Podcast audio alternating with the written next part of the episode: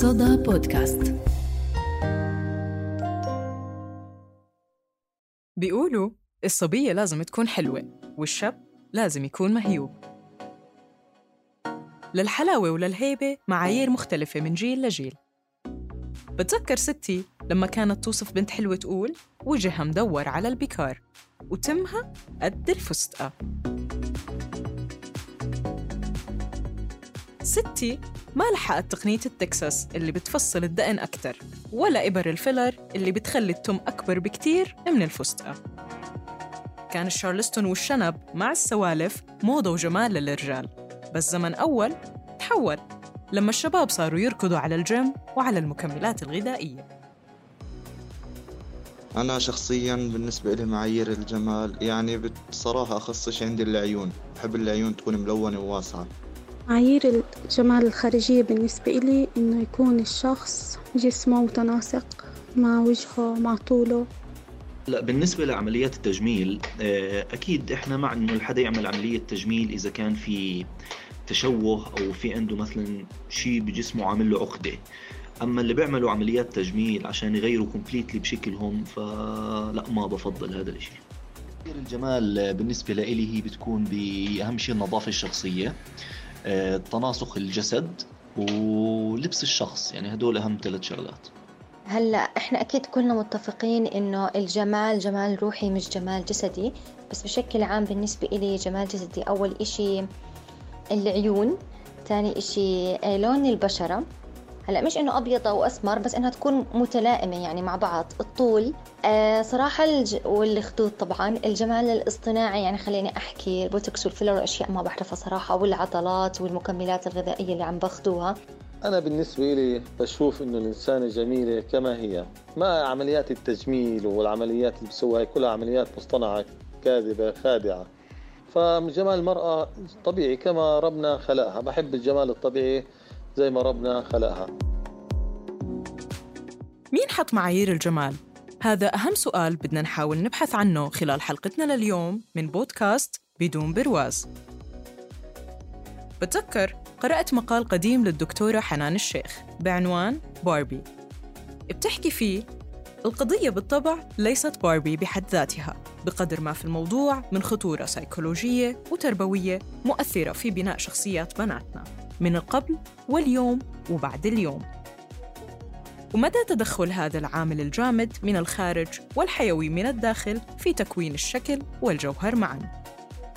فاللعبة بشكل عام وهذا موضوع واسع جدا سواء الخاصة بالبنات أو الأولاد هي مؤسسة الحلم الأول إن صح القول في شكل المستقبل الأولي الذي يفكر به الطفل ويسعى لاقتنائه على هيئة دمية. بس شو خطر لها تكتب المقال؟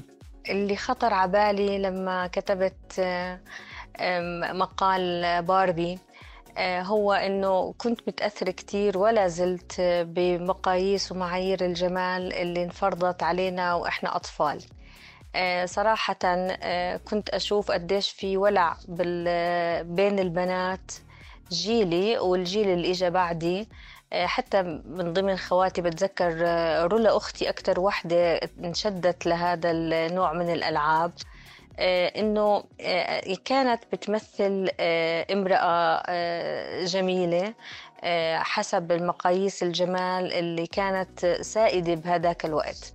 يمكن شوي النظرة تغيرت بعد هيك مع الانفتاح والعولمة ومطالبات النساء المشروعة بأنه المعايير لازم تكون قريبة من الواقع. تأثرت وأنا طفلة كتير لأنه ما كانت بتشبهني ولا بتشبه حدا من معارفي ولا بتشبه صاحباتي. آه، فهذا الشيء كان يضايقني إنه لا هي ولا جسمها ولا شعرها ولا آه، تقطيعها آه، ولا ستايلها بشبهنا.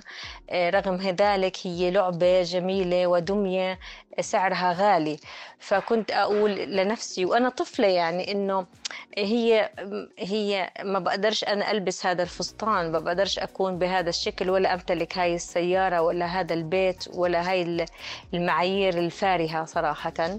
فعشان هيك أنا كنت كتير متأثرة وكنت أميل أكتر للألعاب اللي مبطبطة واللي اللي بتشبه بتشبهنا اللي شعرهم شوية يعني أجعد اللي آه، تقاطيعهم مش كتير منمنمة عيونهم بنية وسوداء آه، فعشان هيك أنا ضل الموضوع في وجداني وفي بالي وضليتني مصرة على إنه آه، وللآن الحمد لله عندي هذا الإصرار على أنه آه، معايير الشكل والجمال آه، يجب أن تكون نابعة من مستوى معقول ومستوى مقبول وبشبهنا بشبه بيئتنا بشبه مجتمعنا.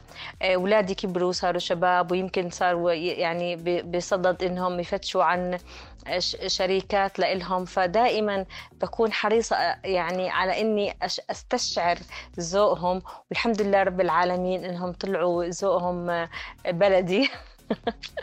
مش ذوق يعني ستاندردز المجلات. آه، وشيء إنساني أكتر شيء بيميل لها إنه ناس بحبوا إنه الست هذه أو الصبية تكون بتحب الناس بتحب الحيوانات بتحب الأطفال بتحب تساعد الآخرين. هاي المعايير كتير مهمة إلى جانب النظافة الشخصية طبعاً. آه، هاي الأشياء اللي إحنا آه، بفكر إنه لازم الناس يفكروا فيها بشكل أوسع وشكل أعمق. كل ما أنزل على السوق بفكر من متى صار قياس الميديوم بيكون صغير على شخص حجمه متوسط فعلاً. وليش لازم يكون في ألوان في كل موسم مختلف عن الموسم اللي قبله؟ وحتى عن نفس الموسم من السنة اللي قبلها. معقول الموضوع مرتبط بالجانب الاقتصادي؟ الفكرة مش إنه نكون برا زماننا أو إنه ما نعيش عمرنا. القصة إنه نطلع برا البرواز ونوقف ركض ورا معايير مش إحنا اللي حطيناها. وانفرضت علينا. نوقف شوي لنفكر كيف ممكن ما نكون نسخة واحدة عن بعض لا شكلاً ولا مضموناً. لأنه التنوع بالجمال الداخلي والخارجي هو اللي بيميز الناس.